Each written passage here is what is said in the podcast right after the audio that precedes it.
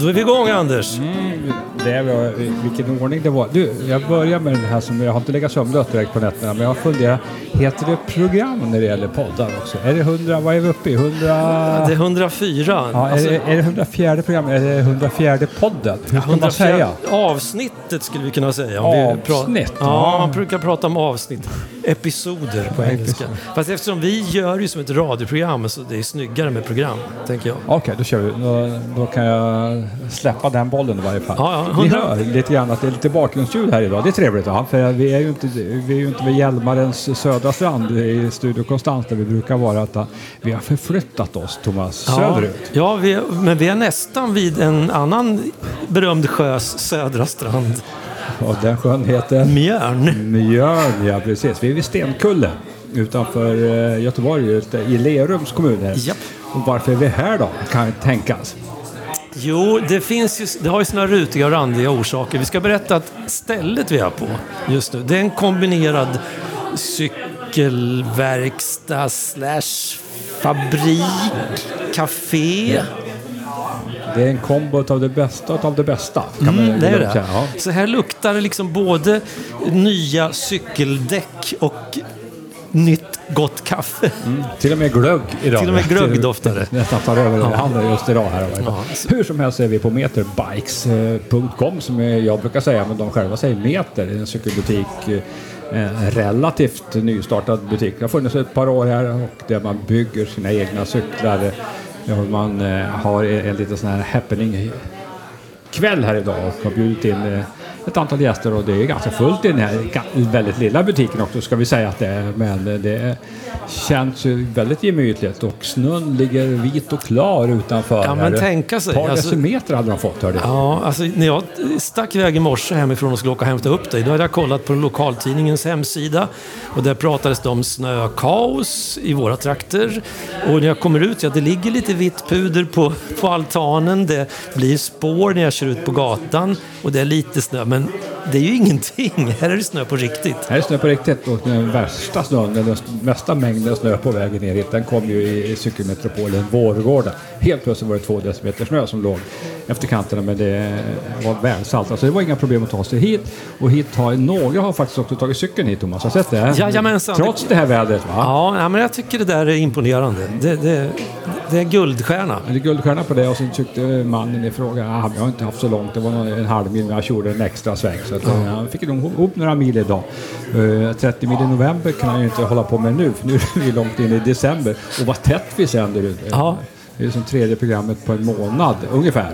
Det är lite av rekord Det faktiskt. är rekord naturligtvis, men vi ska gärna vi ska följa det här lite grann och vi ska koncentrera oss lite grann också på det här nya, om vi nu får kalla det för nya längre, det som har varit igång ett par år, som växer och växer, det här med gravel, grusväg. Jag vet ju inte, jag kommer att säga gravel Thomas. Jag, Alltså, vi har ju pratat om det Ja. där och jag säger som jag sa då, gravelbike, det kommer jag säga också.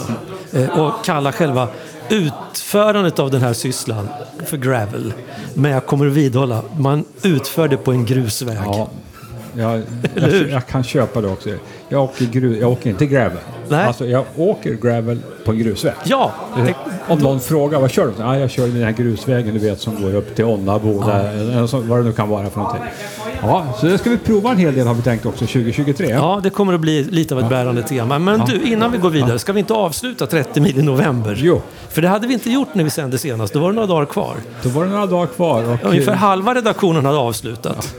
Ungefär halva. Ja. Det vill säga, jag var färdig. Ja. Jag var färdig den 25 eller om det var den 26 november. Du skulle spara på dina sista mil till den allra sista dagen. Och då tyckte jag att det var ett vågspel. Att vänta till den 30 med tanke på vädret. Alltså, Mm vi är ju i tider liksom, helt plötsligt är det 15 grader kallt eller helt plötsligt så ligger det 30 centimeter snö på farstutrappen. Och, men eh, jag vet lite grann att du är en envis rackare. Du vill absolut hålla kvar till den 30. Och vad hände? Det som hände var att mina 30 avslutande kilometer cyklades i det mest perfekta cykelväder som någon människa någonsin har cyklat i under november i år. Var du inte hemma? Var du utomlands? Var jag på Mallorca? Nej, jag var hemma på grusvägarna runt omkring där jag bor. Det var typ två, kanske tre plusgrader det var vindstilla, det var en luftfuktighet som övergår mitt förstånd och sikten var väl eh, 87 meter ungefär, det var ganska disigt. Det var det perfekta novembervädret. Och jättebra cykelväder. Så du, inga problem, du klarade dina tre mil där? Ja, oh ja. Med råget till och med? Ja, ja. Oh ja. Flera hade, hundra meter över? ja, nej, jag hade ty, typ en dryg kilometer till godo. till god ja. Men då ska vi säga till alla er som funderar att de kilometerna som ni gjorde får ni inte räkna till godo till nästa års 30 mil i november. Nej. Jag tycker att jag ser lite grann att det är fler och fler som eh, har eh, anammat det med 30 mil i november och vi fick ett mejl här av en man, jag tror det var en man, va? Det var en man. som eh, tyckte det var en rolig utmaning. Men Han cyklade inte, utan han promenerade. Han gick tillsammans med hunden. och han hade fått ihop 37 mil om jag minns. 37 mil blev det. Så att han fick ett grattis från mig, både till, till sig själv och till hunden.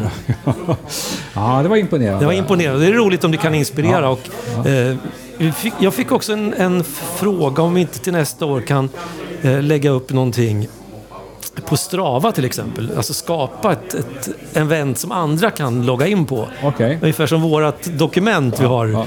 eh, på Google Drive där vi skriver upp våra kilometer. Så att eh, vi fixar något sånt till nästa års 30 mil i november. Så kan man bokföra sådär, för det finns ett behov av det känns det som. Och dela med sig såklart. Jo, men alltså, del, alltså, vi lever ju i en tid där delarkulturen är mycket starkare än där att man håller saker för sig själv. Mm. Alltså det sociala medier och sånt där har ju gjort också. Men man vill dela med sig av upplevelser, man vill dela med sig av händelser som är positiva. Och man vill, oftast är det positiva saker, men man delar också med sig av tråkiga saker. Eh, för att få lite sympati och för att få liksom andra upp, för att känna att de andra ska kunna känna sig starka, att de inte är ensamma i de här sakerna. Så det, eh, det gillar vi att eh, folk delar saker och ting. Det är framgångsfaktor, Thomas. Ja, det är att dela med sig. Och så tack till alla lyssnare som har delat med sig av sina erfarenheter och upplevelser av 30 mil i november. Och stort grattis till alla som har varit med. Ni gjorde det bra. Det gjorde vi och därmed sätter vi punkt för 30 mil i november. Och frågan, vad har vi på programmet idag då, Thomas? Jo, men vi har väl, vi ska prata lite med, mer med mannen bakom cyklarna. bra. Meter Bikes. Jag pratade lite med Rickard Rolander lite grann om liksom, hans idéer och hans tankar och han är ju också en gravel-entusiast. eh, Så han kommer kunna lära oss lite grann och kanske kan, ja, inte vet jag om vi får några gravel-tips men Vi kan ju kanske behöva några tips redan nu då.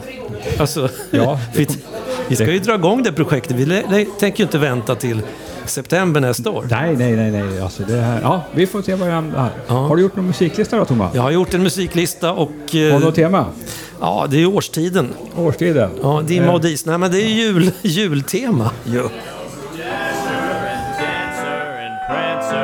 Vixen.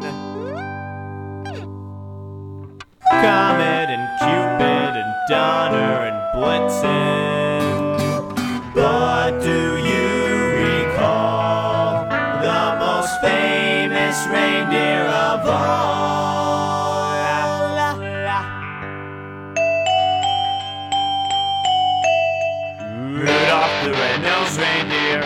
Had a very shiny nose.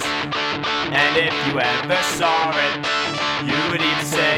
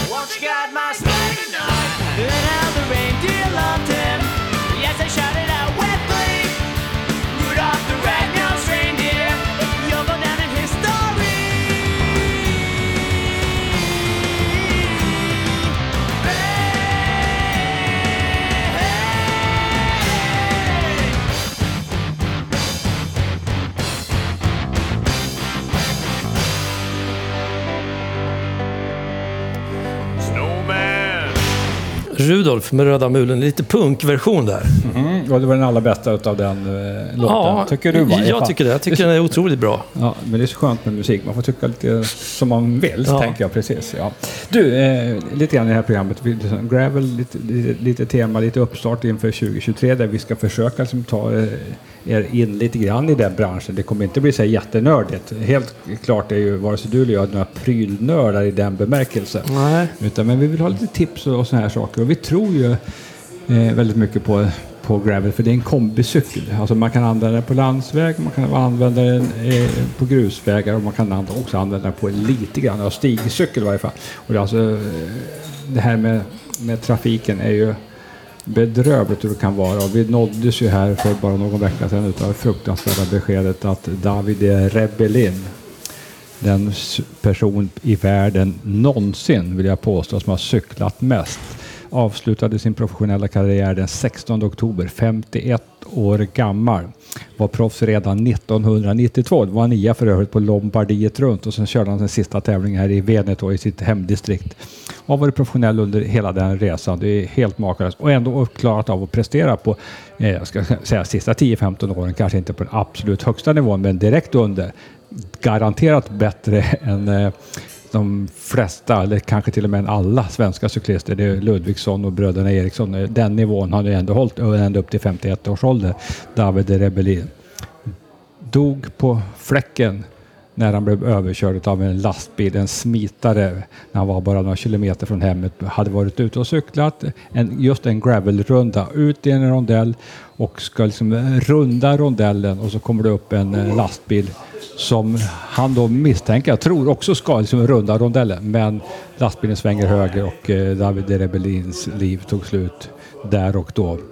Och det, det ännu värre var ju att den här killen smet ju dessutom från olyckan här. Eh, men är nu gripen med, i Tyskland. Det var en tysk chaufför som man nu försöker få utlämnad till Italien för att ställa honom till svars för sin bedrövliga åkning i den där rondellen som gjorde att David Rebellin fick sätta livet till.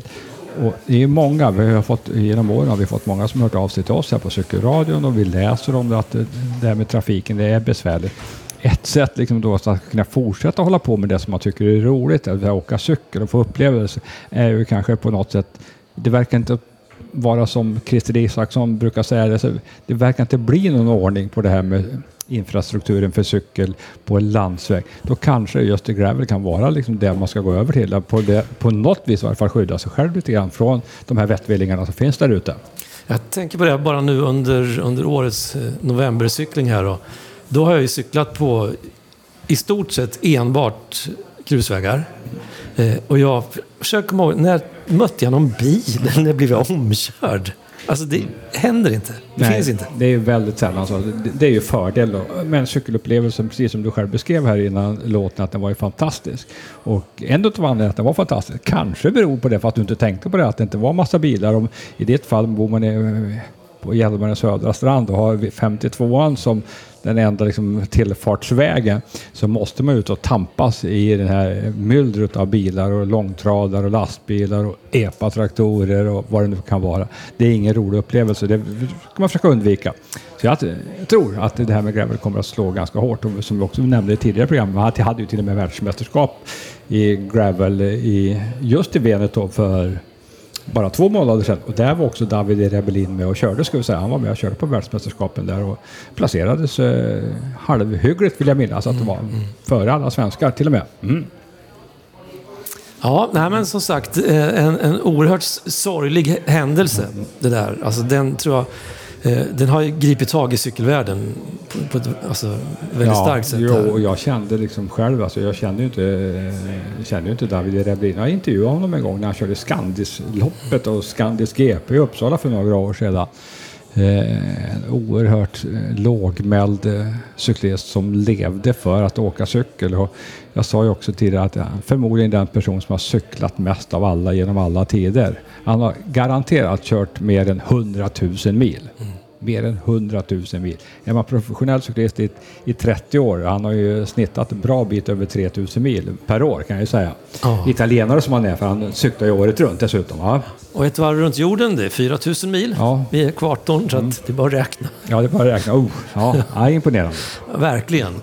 Ja, det blir ju imponerande siffror så när man pratar. Jag var ju här på också på Örebro Cyklist när jag hade lite, eh, ska säga, det var inte årsmöte utan det var liksom ett medlemsmöte där man pratade om klubbens framtid och eh, då var också Emilia Fahlin där. Eh, vår mesta professionella cyklist, man eller, här, man eller dam spelar liksom ingen roll. Hon ger sig in i sin sjuttonde professionella eh, säsong och jag hade tagit fram lite statistik. Det är ju lätt att göra nu för tiden där man bland annat då hade tittat hur många mil har hon tävlat internationellt sedan hon debuterade som 18-åring i den professionella världen. Och hon hade ju ingen aning själv såklart. Va? Men det motsvarade alltså internationella tävlingar. 252 varv runt Vättern. Det är du. Ja. I internationella tävlingar. Ja, helt galet alltså. är helt, helt galet mycket. Ja. Undrar vad, de vad hon önskar sig i julklapp. En bra jullåt kanske? Jag tror Ja. att det är jultema då. Ja, det är definitivt ja. jultema. Ja. Men du, vi kan, ja, men nästa låt kan någon, vi, vi kan tillägna den till Emilia och alla andra såna här cyklister. För, förutom att de tillbringar otroligt mycket tid på sina cykelsadlar och cyklar runt så tillbringar de också en och annan timme på en flygplats i Ja. väntan på bagaget eller på planet som ska ta dem till stället där de ska tävla eller träna. Och då frågade jag, passade faktiskt på att fråga Emilia där. Vilken är den tråkigaste flygplatsen? Det är Charles de Gaulle, sa. Jag vet inte hur många timmar jag har suttit just där. Jag hoppas att inte Nick Love, som vi ska höra nu, satt på den flygplatsen. För den här låten heter Christmas at the Airport.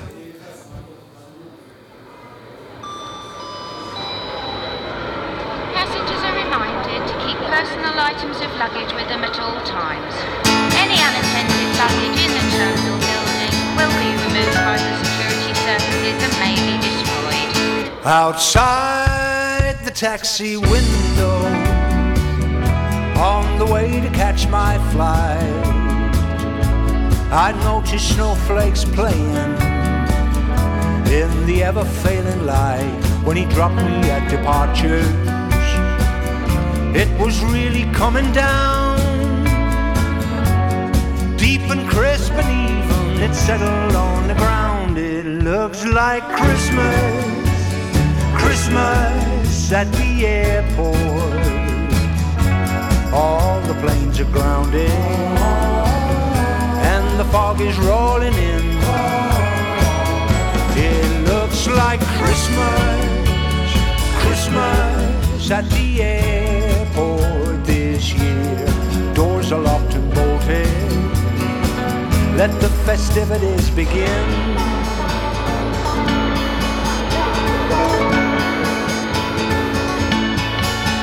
The terminal was seething without much Christmas cheer. So I found an empty closet and bedded down in there. When I awoke much later, I was quite alone. Check-in was deserted, everyone had gone. It looks like Christmas. Christmas at the airport. I took a set of x-rays. They came out rather well. It looks like Christmas, Christmas at the airport this year. I'm doing Santa's sleigh ride on the baggage carousel by oversized items such as uh-huh. baggies.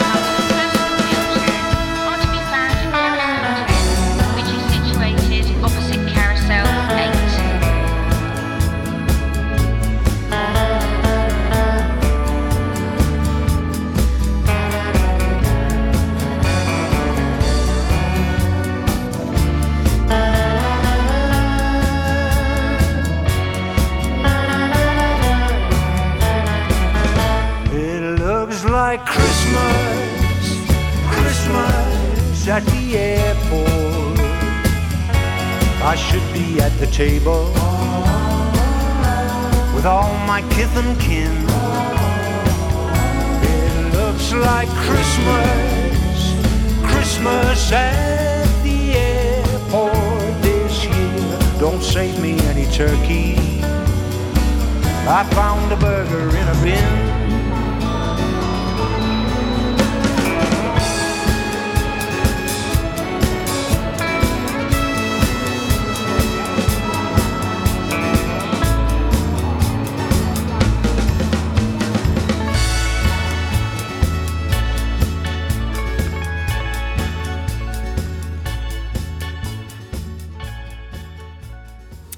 Ja, att fira julafton på en flygplats, det kanske finns roligare saker att göra. Som att sitta här till exempel. Jag sitter här till exempel och blickar över alla fina cyklar och lite cykelkläder och sånt där. Och, Men du, alltså jag, måste, jag vet inte om jag berättar det här för dig.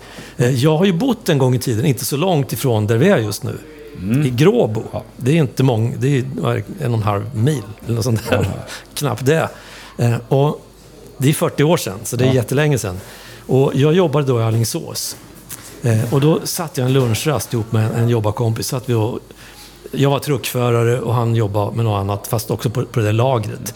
Kanske inte världens mest utmanande jobb. Så vi satt och spekulerade. Om vi fick göra vad vi ville, vad ville vi göra då? Okej. Eh, Och då sa jag så här.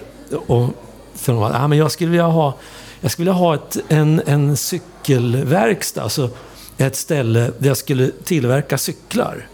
Eh, Vad då för cyklar? Ja, men såna här racercyklar. Och så skulle det också vara ett café.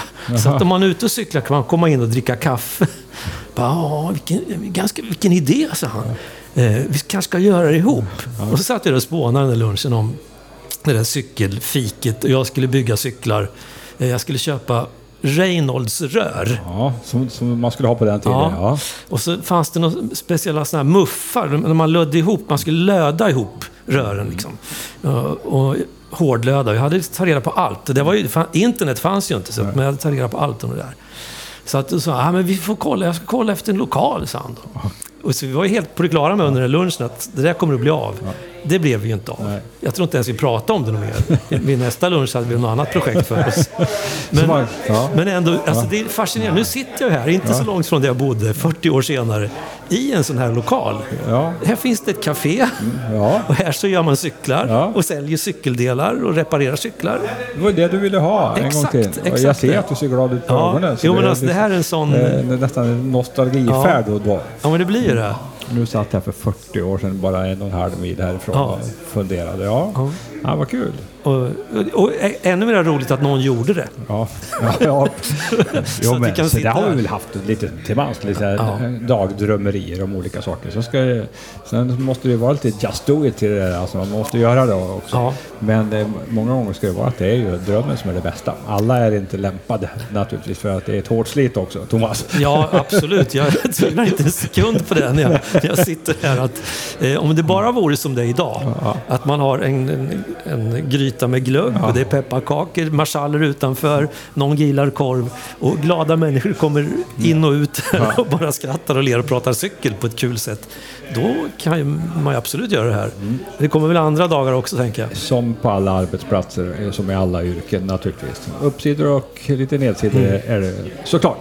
Du, eh, vi har ju vår lyssnarfråga eh, som jag i första 43 avsnitten kallade för tittarfråga. Mm. Ja, just det. Men sen har jag lärt mig att det är en lyssnarfråga. Den ska vi redovisa.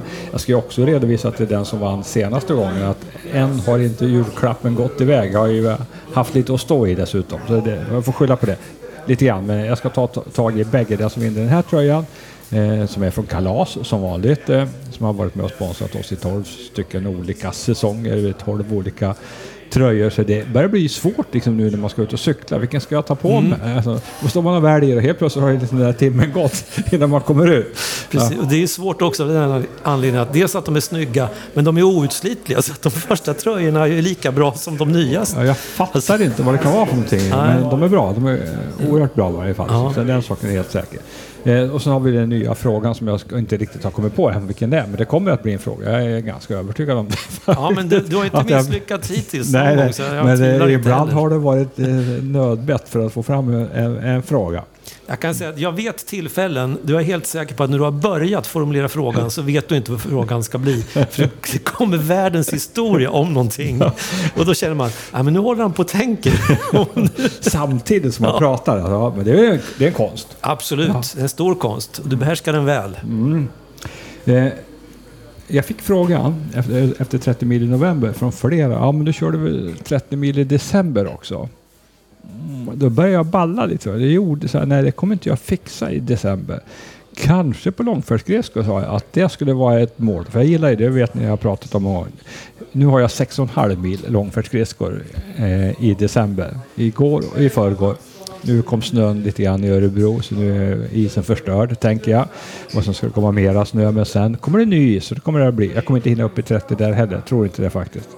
Eh, med tanke på att det är jul och allt också. Ja, men du, om man jämför, alltså det är ju många genom tiderna som har dubblerat cykling och just skridskoåkning. Men om man då jämför långfärdsåkning som du håller på med, med cykling. Alltså, jag tänker på hastighet, eh, hur långt man kommer och sådana saker. Mm, alltså det skiljer ju. Ja, det, för, mig- för, mig, för mig då, det är en- den enda referensen jag har naturligtvis. Det är klart att om jag cyklar på landsväg så cyklar jag ju fortare än vad jag åker skridskor. Jag, jag körde igår liksom lite, nästan lite träningspass. Jag körde 35 kilometer skridskor. Men jag hade en 21 i snitt. Det är ungefär vad jag brukar ha när jag kör på 30 mil i, i november. Då har man inte så mycket mer. Det som är fördelen med att åka långfärdsskridskor, inte en enda backe Thomas.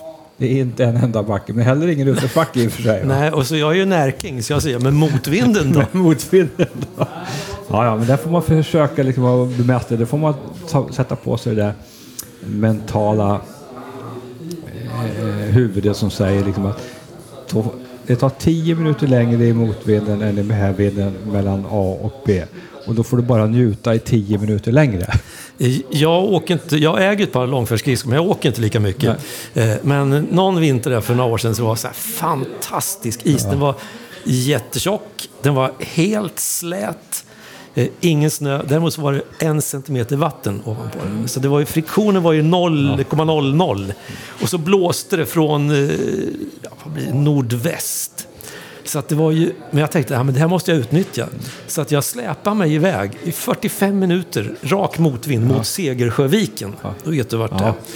Eh, Jag tror det tog 45 eller 50 minuter att ta sig dit. Det tog sju minuter att åka tillbaka. Och det är mina sju bästa minuter på is någonsin. Ja, sånt får man önska sig i julklapp.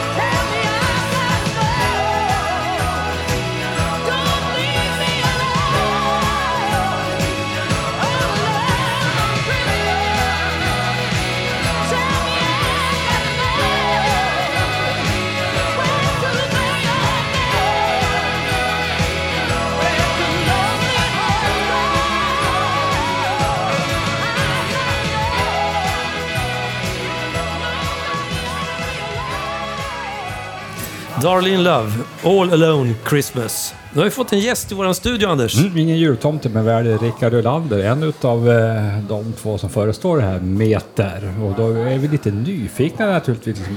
Det är mycket saker vi är nyfikna på, Rickard. Men eh, vad är Meter för något? Och var, var, varför finns Meter? Ja, varför finns Meter? Eh, Eh, det är ett ganska nytt eh, varumärke som kom eh, för ungefär två, två och ett halvt år sedan. Linus och jag drev tidigare ett av de större cykelvarumärkena. Och eh, Meter är vår lilla nya baby.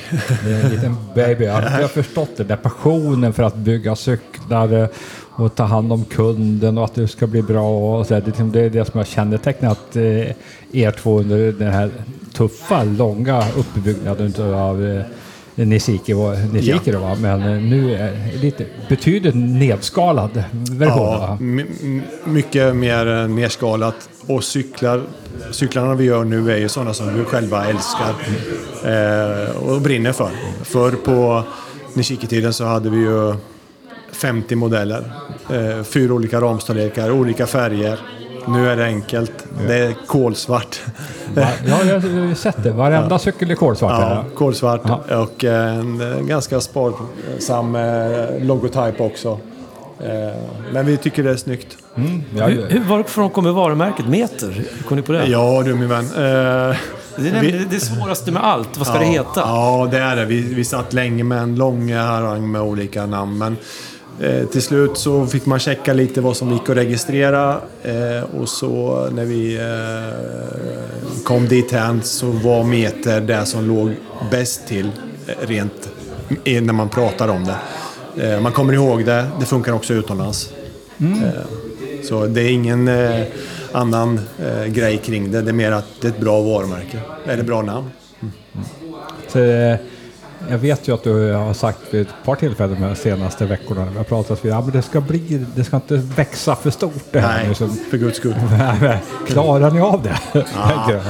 Vi är ju entreprenörer, både Linus och Ja. jag, ute i fingerspetsarna. Men, men vi har väl lovat våra nära och kära att eh, hålla igen den här gången. Framförallt så eh, känner vi också att vi vill göra lite andra saker. Och jag är ju en hängiven cyklist. Ja. Och jag cyklar ju väldigt mycket. Eh, Vilket du inte kunde förut Nej, det mycket. kunde jag inte. Nej. Nej. Så nu eh, kör vi på och sen eh, kommer eftermiddagen, kan vi låsa här och sen kan man komma ut på cykelsadeln. Det är helt underbart. Vi har pratat lite grann innan vi ropade hit dig här nu, Mm. att det här med gravel som, ja, det är, det är, ingen, det är ingen fluga. Nej. Nej, det hoppas jag inte. Du cyklar mycket, du har ju cyklat Ja, mycket gravel. ja. På grusväg, det har Thomas och jag hade diskuterat det. här. Mm. Cyklar man gravel på en grusväg om man är svensk? Eller cyklar man gravel på gravel?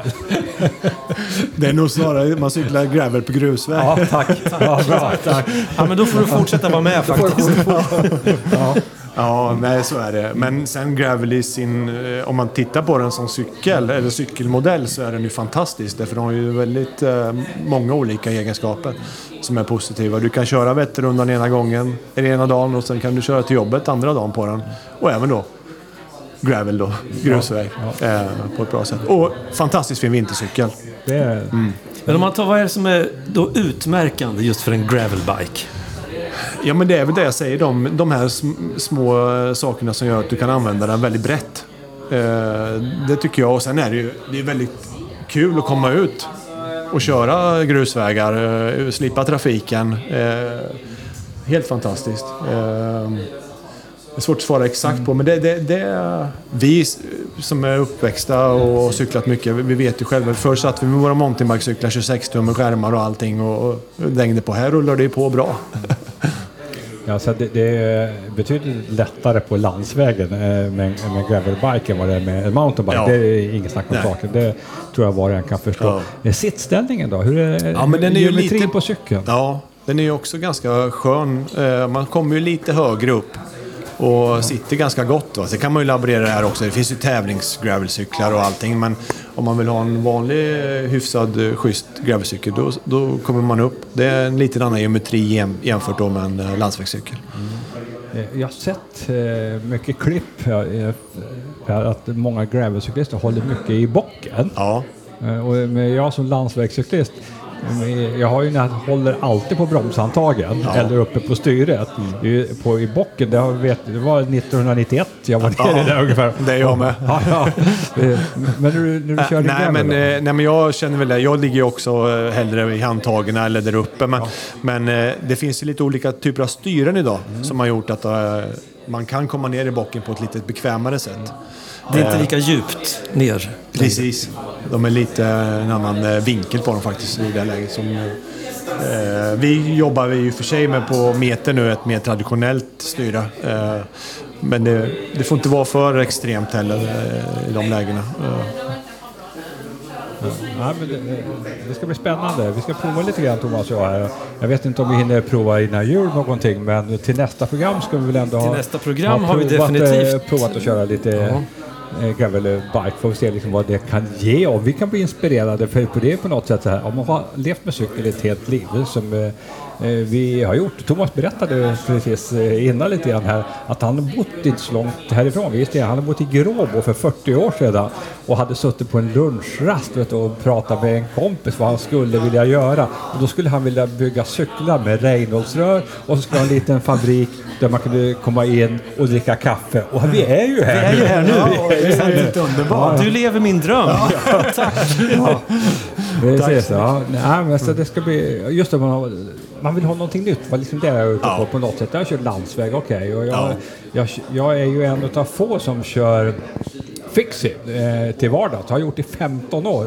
Året runt kör jag fixie. Ja. Och jag har använt bromsarna tre eller fyra gånger på, jaha det finns bromsar på, tre eller fyra gånger på 15 år. Annars Ja. är det fixie som gäller. Så att, eh, det, har varit, det var en tändning när den kom. Nu hoppas jag liksom också, ja, Ja. en ny grej då innan det är för sent. Jag har ju cyklat i de senaste 12 åren på en single speed ja, cyclecross. det är bra jobbat. Det är bra jobbat. Ja. Särskilt med 30 mil november. Det Ja. kräver ju sitt. Va? Eh, vad är den största skillnaden nu när jag sätter mig på en riktig gravelbike? Ja, men det är, De ser ju likadana ut förutom ja, färgen. Ja, men du får ju det växelspannet som är eh, bättre. Du tar det fram kanske i lite högre hastighet också. Uh, Fixin är ju, den blir ju eh, ja, begränsad. Medan eh, här kommer du ha mer fart och eh, förhoppningsvis lite roligare också. Ja, låter bra. Jag tänker på tävlingsformen gravel växer ju Mm. också så det knakar. Det är många gamla ex-professionella cyklister som ger sig in i den- här branschen nu. Mm. Eh, vad är faran att det blir för mycket landsvägar över gravel? Eh, Ja, svårt att svara Ja. på. Ehm, ja, ja, det är svårt att svara på alltså. Jag såg ju gick i VM nu då Vermeers vann Mm. Ja. där och, och eh, i princip så liksom jag körde jag på en racerhoj vad jag kan förstå. Ja, precis. Och- och- Det, det är Ja. ju inte långt ifrån en landsvägscykel. Nej. Det är ju, jag själv har kört min landsvägscykel med väldigt grövre, grova däck istället. Va? Men det, det, det är en känsla med gravel, en, en riktig gravelcykel när du kommer upp lite mer eh, och man får en annan eh, sittställning. Men sen Linus och jag var i Frankfurt, den stora Eurobike-mässan i somras. Och där kan man säga att det är som bom. Så 90 procent där, det var gravel. Alltså, och gravel-el, vanliga gravel, gravel, alltså robust upp och så tävlingsgravels också då. Eh, men de är ju mer likt en eh, landsvägscykel, så det är svårt att skilja på dem.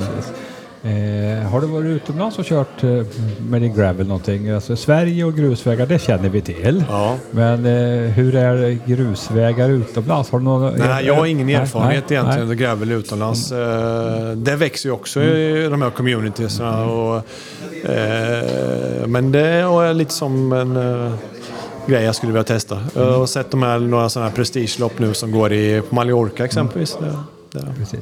Jag, jag har en, en dröm kvar. Jag, jag vill åka i Marocko, alltså i Atlasbergen på gravel. Alltså, Ja. Jag har sett bilder och grejer därifrån. Alltså, och då det, det kan ju vara det här, vad kallar de single tracks eller vad de kallar det för. Där kan man väl köra med sån- Ja, absolut. absolut. De har ju inte det här rotsystemet och Nej. krångel som vi har i Bergslagsskogarna eller? Ni, om ni vänder på er här och ser ni bilden där bakom Ja. er. Det är ju från Island. Ja, är det från Island? Ja, så det, det är också... Jag trodde att det var, några, att det var från Skottland. Jag Nej. tänkte de ligger på vänster sida och kör där. Ja, ja, nej, det är, det är Island. Ja, det är Island. Ja. Det är härligt. Ja, men det, det öppnas ju en, en helt ny cykelvärld. Ja, det gör det. det och det, man märker det även på, på den vanliga motionären eller amat- amatören att det, det är väldigt positivt. Ja. Eh, framförallt då igen, man kan använda cykeln på så många olika. Vi har redan sålt så rätt många cyklar där man ska köra Vätternrundan och så ska man köra lite grusväg och så ska man pendla på den. Då kan man byta, man, Ja, man, kan, man kan byta hjulen Ja. och det är ju Ja. en true-axel som sitter i så det är ganska enkelt. Och ett, eh, ett okej hjulpar idag kostar inte så mycket pengar här heller. Så då, därför jag tror man ska köpa ett hjulpar. Man ska inte hålla på och kavla däck, för det gör man Nej, inte. nej. Det, Nej, det är tillräckligt jobbigt att byta till, till vinterdäcken, Ja, med, alltså jo, dubbdäcken. ja. Ja, Precis, jag, jag pratade med grannen i morse när jag skottade undan snön. Och liksom, "Ja, har du satt på dubbdäcket? Ah, alltså, jag fick aldrig på dem i förra året, det är så krångligt. alltså, man måste, hade han haft ett hjul så hade det gått enklare. hur? Ja, Får kosta på sig ett hjul också.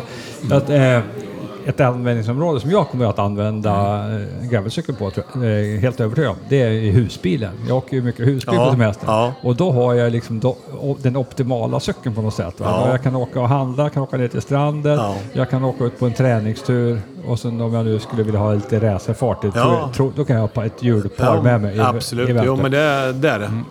Så, där någonstans är vi och eh, Rickard kommer komma tillbaka i flera program tänker vi under året grann, med lite korta intervjuer och sånt där får vi se hur vi kan få ihop det när vi, har lite gravel-tema under 2023 på cykelradion.se. Och när vi har lite mer gravel i byxbaken också. På Ja. riktigt. Ja, Och inte bara snackat om det. nej, precis.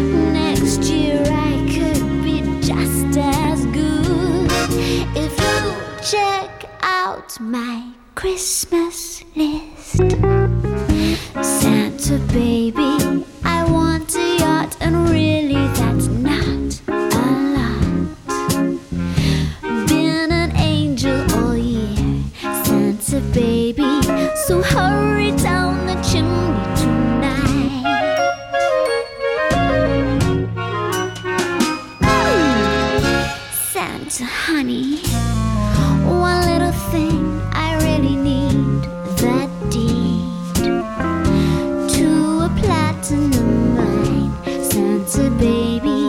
So hurry down the chimney tonight. Mm. Santa cutie, fill my stocking with a duplex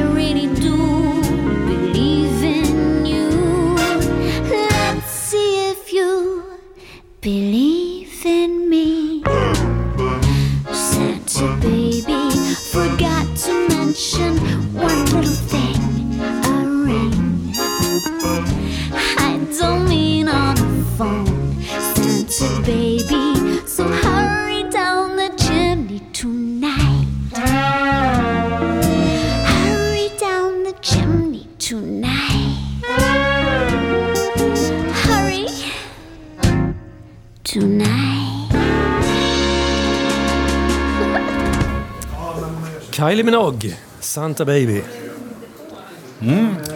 Du Thomas, vi har varit igång här i 45 minuter någonting va? Jag, jag hittar aldrig den där äh, mätaren som tar tiden. Den tar 48 minuter har vi varit igång här. Vi ska inte vara igång så länge till tänker jag för jag eh, vill gärna mingla lite grann med alla människor som är här på den här happeningen och snacka lite cykel och snacka kanske en, en och annan snackar där gravel en och annan, jag vet många här också, landsväg. Landsväg är ju ändå närmast mitt hjärta. Hur mycket Eh, de än kommer att försöka så kommer det ändå vara landsväg som, som jag gillar allra mest. Men kanske just cykelupplevelsemässigt så kan ju eh, grusväg kanske konkurrera lite grann här nu på ålderns höst. Som eh, det faktiskt är frågan om, både för dig och mig, vare sig vi vill eller, inte. Så är det.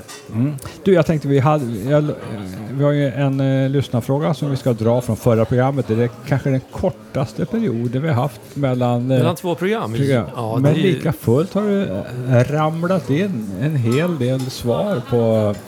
Ja, det var när bra, bra tryck Ja. i, i brevlådan. Ja, för det, det funkar lite grann så. När vi släpper ett program då kommer det, då kommer det ett gäng som svarar eh, ganska så snabbt. Men sen ramlar det kom ju ett igår ett svar exempelvis. Men de allra flesta kom de allra för, första dagarna efter, efter eh, vi hade haft programmet. Och, Och förutom att det var väldigt tätt på given mellan förra programmet och det här så var det en annan nyhet i det här programmet.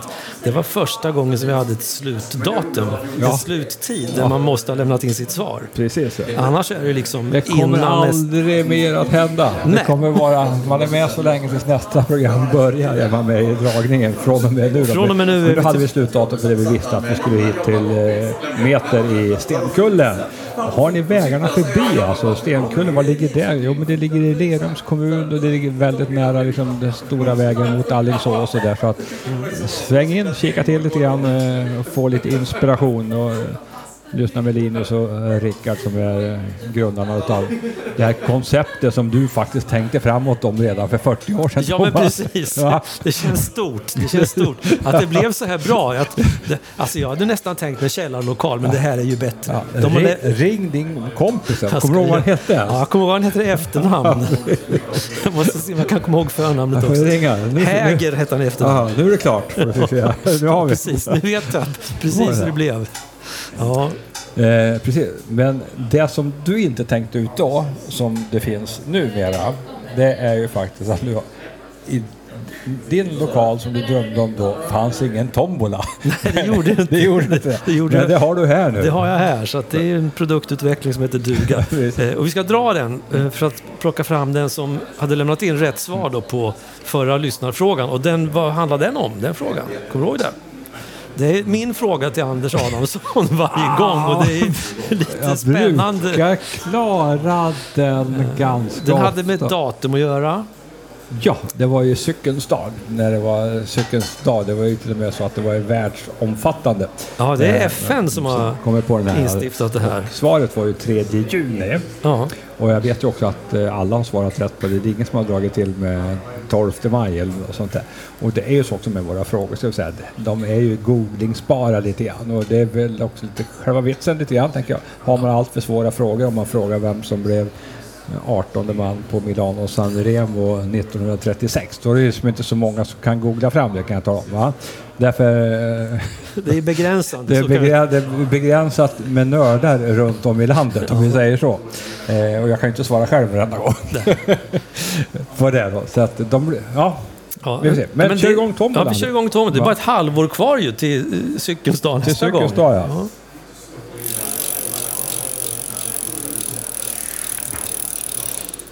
Rasslar det till där. Så rasslar det till och så stannar den på, nu ska vi se. Rätt- måste kolla till rätt svar.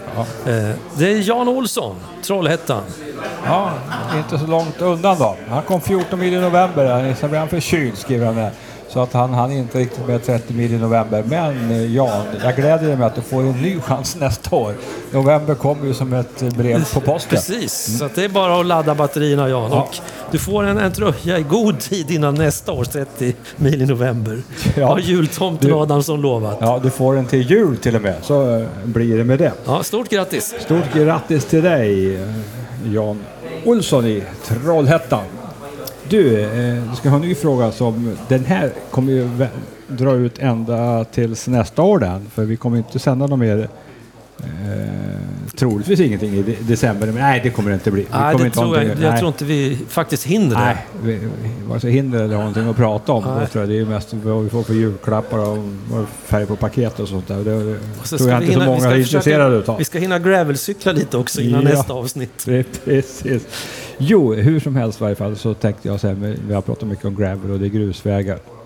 Och det har ju blivit, alltså USA, det, allting blir liksom stort i USA. Så även just den här gravelcykelåkningen är väldigt stor i USA. Jag pratade tidigare också om David Rebelin då, som så tragiskt omkom ute på sin eh, gravelcykel när han hade varit ute på en graveltur bara för någon vecka sedan. Och eh, vi vet ju också att det finns en serie med eh, internationella tävlingar för gravel som vi hade en i Halmstad en tävling vill jag minnas här i väldigt fin, fint startfält med gamla landsvägsprofessionella cyklister som var där. Och det här växer och vi är ganska övertygade om att det här Precis som Rickard sa, det här är ingen fluga. Det här kommer att stanna eh, väldigt länge tror jag.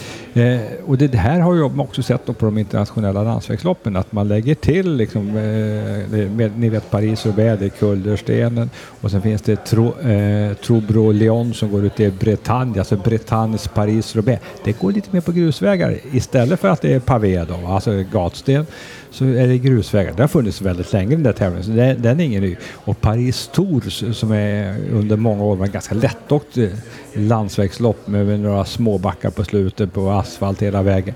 I år och sedan eh, några år tillbaka så kör man också väldigt mycket på grusvägar där för att liksom, göra det svårare, lite mer spännande, lite mer spektakulärt och så vidare.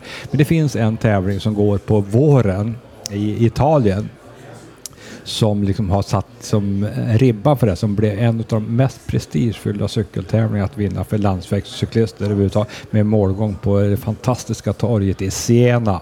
Frågan i det här 100 Fjärde programmet är alltså, vad heter den där tävlingen som går i Toscana med målgång på torget i Siena som har satt liksom eh, normen för hur grusvägscykel ska se ut.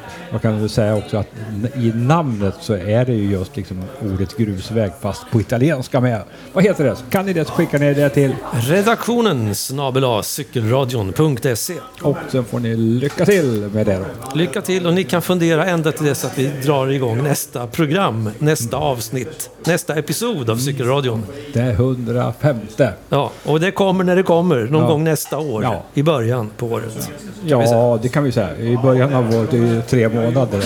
Men vi, vi kör nog, i januari blir det säkert Vi någonting. hoppas på januari, absolut. God jul på er där, där hemma. God jul och gott nytt cykelår och allt det där. Ja, det var en sak till som jag sa. Vi Ja. hade ju planerat en sak, som säger också. Ja. Vi vill gärna veta, Ja. ni som svarar nu då, eller ni som inte svarar på frågan. Vi vill gärna veta, hur lyssnar ni på cykelradio? Mm. Lyssnar ni på när ni pendlar till jobbet? Samlar ni hela familjen på bäst på prime time och lyssnar? Eller hur går det till när ni lyssnar på cykelradio? I vilka sammanhang? Hur, när och var. Hur, när och var? Och ni meddelar på samma adress som ni skickar in svaret på den här frågan då. Redaktionen snabel cykelradion.se. Bra. Ha det gott! Hej svejs!